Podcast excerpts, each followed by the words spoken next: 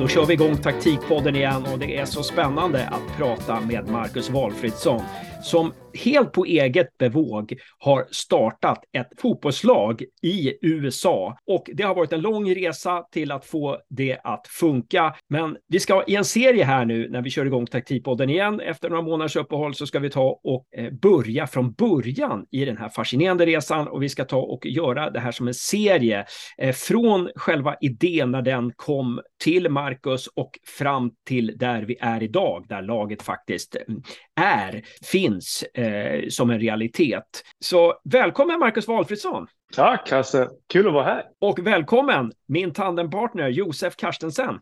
Tack så mycket! Det var ett tag sedan. Det var ett tag sedan och jag heter Hasse men vi börjar från början, Marcus. Eh, jag och Josef är så otroligt nyfikna då.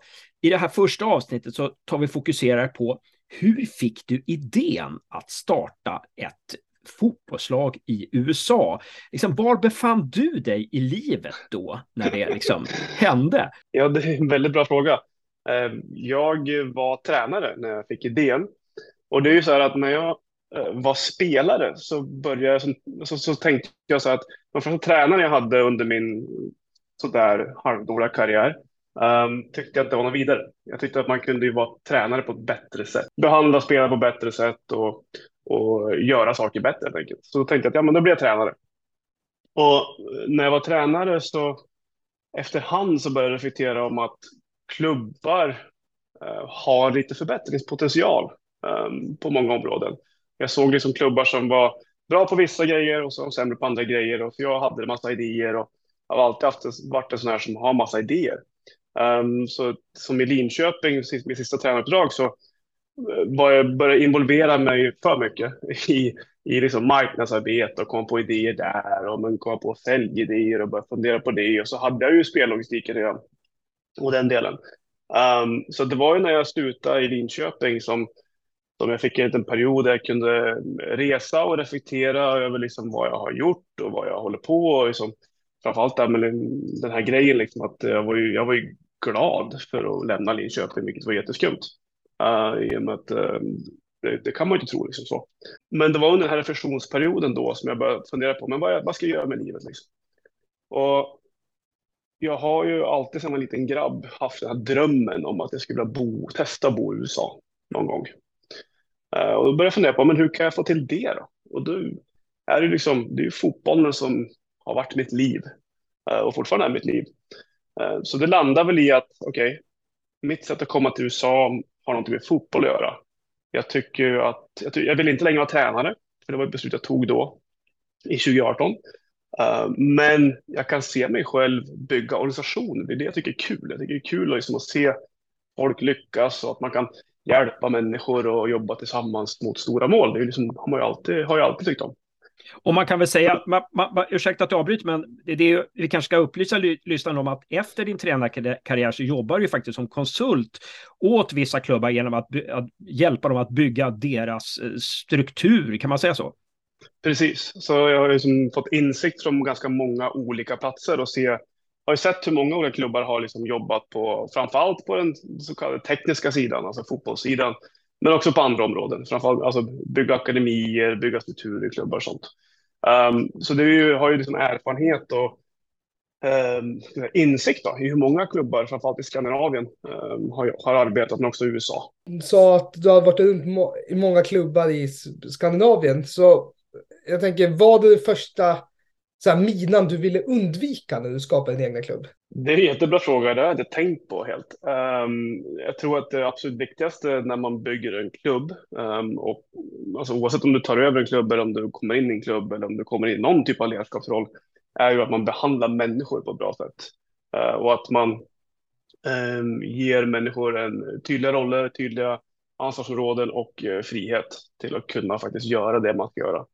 Uh, det tycker vi är det viktigaste och det är väl där det kanske är varierande då, mellan klubbar, liksom, hur duktig man är på det. Eh, man kan fortsätta i strukturer som inte gör att man kan göra det man egentligen ska göra. Och det man blir liksom, vad heter det, målet efter det på norska, men eh, mätt på heter det på svenska. Har du något, exempel, något konkret exempel på det? Eller?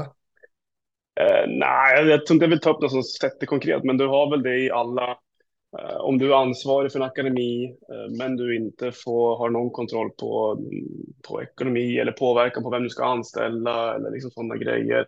Eller tvärtom. Eh, alltså du har, du har ansvar för ett lag, men du har inte någon påverkan på vad som händer, varken upp eller ner eller någonting, utan du får bara besked om saker plötsligt. Um, så det är en sån enkel grej. Och sen så är det den stora grejen för mig som jag har sett, uh, framförallt när jag blivit mer intresserad av hur det är i USA, är ju hur ja, ledningen, eh, inte bara ledningen liksom på, på administrativ nivå, men också på, på sälj, på marknad, eh, på de olika delarna Alltså för, för det första så är ju säljgrejerna mycket större i USA än bara i Skandinavien. Alltså vi har ju i Sverige, Norge och så i Danmark så Danmark kanske mer, men, men vi har inte så jättemånga som säljer biljetter för det är inte så många, det är inte så många åskådare. Um, och det är inte så jättemycket saker att sälja på arenan och så vidare. Är ganska tråkigt så sätt. Om, man, alltså om inte man gillar fotboll så är det tråkigt att gå på fotbollsmatch i Skandinavien. Um, liksom själva underhållningsvärdet om inte du tycker om sporten är, är ju liksom lågt. Här är det ju tvärtom. Här är det som sporten är kanske inte topp, uh, men underhållningsvärdet runt om är ju ganska högt. Man gör ganska mycket för att liksom engagera folk som inte vet vad det är för sport. Så, och man kan, eh, man kan köpa fler grejer och sånt på, på matcherna. Så där är det en ganska stor skillnad mellan Skandinavien och USA.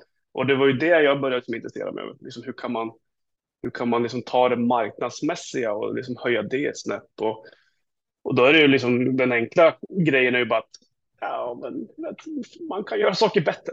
Alltså mm. det, det, är ett tråkigt svar, men det är så här. Uh, du ser på hur folk jobbar och hur oeffektiva man är kanske framför allt då. Och att uh, det går att göra saker bättre. Man, man är ganska ineffektiva i, i, i Skandinavien då tycker du. Eh, kan vi ta något exempel på ineffektivitet som du, som du eh, liksom irriterar dig på i Skandinavien? Hela det här upplägget med att alltså, sälja matcherna, alltså få folk att komma på match vi har någon som vi, vi, antar att folk ska gå på matchen bara för att man har match. Lite så. Ja. så att marknadsarbetet blir ganska passivt uh, upplever jag. Att det är ganska idéfattigt. Det är, uh, om du ser liksom på ja, men hur funkar människor? Hur fun vilka incitament får man liksom, uh, till att gå på matcher? Alltså, allt från biljettpris, hur man prisar biljetter till hur man får folk att komma på match. Um, det är ju alldeles för många ställen där i princip så förväntar man sig bara att folk ska gå, komma dit och stötta laget. Mm. Bara för att. Mm. Um, utan att kanske egentligen bygga den relationen som, visst för 50 år sedan så fanns det en relation för att då kände alla varandra. Mm. Då kände de som, som bodde i stan eller i, i byn att de kände ju spelarna. Uh, det gör de inte längre för att vi har ju växt. Uh, vi har blivit större och blivit fler människor. Och det att skapa det där bandet och liksom skapa men det här varför ska vi gå på match liksom? det tycker jag, där kan man väl ha förbättringspotential. Hur skapar det här varför folk ska gå på matcherna? Precis, och då är frågan, eh, kan jag ställa frågan tillbaka Josef, varför går du på match? Jag tror att jag går på matchen för att jag håller på det här laget, på de lag jag håller på. Och det är, jag tycker det är värt att lägga ner kvällar och eftermiddagar på helger. För att om vi inte går på matchen kommer jag ändå se matchen. Så att jag är ju en rätt så här dålig kund när det kommer till att försöka attrahera till en okänd match. Om jag går på ett annat allsvenskt lag till exempel, med tanke på att vi bor i Sverige, så är det mest för att ja, men vi var och såg Bayern en gång i år. För att ja, man vet att det är mycket folk. Jag var och såg IFK Göteborg en gång, också mycket folk. Och så var jag och såg Häcken en gång. Och det var bara för att jag visste att det är bra fotboll som spelas där. Det som jag, tycker, det som jag är mest fascinerad av, det är ju varför man håller på ett lag. För det är ju liksom, och då kommer vi ju ner på det här eh, vad heter det? tribalism, alltså det här att vi, vi människor gillar ju att vara i små grupper och sånt. Vi identifierar oss med vissa saker. Um, och det är ju hela den sån här fangrejen, det att hålla på ett lag, är ganska, i sig själv ganska fascinerande. För att det är ju, det är ju ofta så att ja, men det är för att man är på en stan eller eh, man, man har någon typ form av anknytning till platsen eller till, till lag på vis. Det i sig själv är ganska fascinerande tycker jag. Det är ju det är en större grej i Europa generellt. Vi har ju den här, det är mer historik, vi har liksom att, ja men är man från Gävle så håller man på Gävle och man håller på Brynäs liksom. Det är liksom så man ska göra. Um, och det är ju som naturligt. Den finns ju inte på samma sätt i USA. För att klubbarna har inte funnits i 100 år eller 50 år eller 60 år eller vad det nu kan vara. I tillägg så är USA som land mer, uh, vad heter det, man förflyttar sig oftare. liksom, man, man flyttar oftare på sina jobb och så vidare. Så det, det, det, det är ett annat hierarki liksom, i livet på vis. Så hur man får folk till match. Om inte du har de här, om du inte har, tänk att du inte har de här människorna som dig Josef, de här som inte liksom, du har inte de här som håller på ett lag. Det finns här i USA också, men på college-nivå. Uh, här, alltså det är ju en ganska fascinerande grej förresten, det blir en liten digression, men, men uh, det närmaste du kommer till att hitta samma typ av fanbeteende som man har i Europa uh, här i USA är ju att se på collegeidrotterna. Um, folk här, de, har, de går på college och sen så, eller de behöver inte ens gå på college, men de, man måste typ välja ett collegelag man hejar på. Och sen så håller du på det resten av livet. Så det är det närmaste jag kommer till och det kan du jämföra liksom med hur det är. Man var som liten grabb och var tvungen att välja ett fotbollslag, man var tvungen att välja ett hockeylag i Sverige och, och heja på resten av livet. Och nu man, sitter man ju fast där. Liksom. Ja, man, man, kan inte, man kan inte byta, det, det får, får, man inte göra. Liksom. Um, så det är liksom en fin sån, um, så jämförelse. Men hur skulle du då göra för att attrahera en sån som mig, som håller på ett lag, men sitt på andra sidan jordklotet? Och hur ska jag då bli intresserad av Sarasota i USL? Precis, det är någonting annat än det att hålla på laget. Alltså förstår man, du, man kan ju inte, du kan inte rivalera med, jag vet inte om det är ett ord en gång, men med det, det laget du håller med. Däremot så kan vi skapa någonting annat. Vi kan ju bli lag nummer två lag nummer tre. Vi kan ju fylla på eh, och skapa det bandet till dig på något vis. Och då måste vi jobba med andra grejer. Vi måste jobba med att hur vi kommunicerar, alltså att vi är bra folk, att vi är trevliga, att vi skapar eh, någon form av incitament till varför du skulle vilja se våra matcher. Och det kan ju vara i det här fallet så är det ju, jag tror du kommer se våra matcher för att jag är där. Eh, så det kommer vara tillräckligt för, för just det här fallet. Um, men för andra som, så kommer det bli svårare. Då måste vi hitta, okej, okay, men då måste vi göra någonting som är lite annorlunda. Vi måste sticka ut på något sätt och i positiv riktning. Uh, och sen är det ju viktigaste för oss är ju att ha folk på arenan.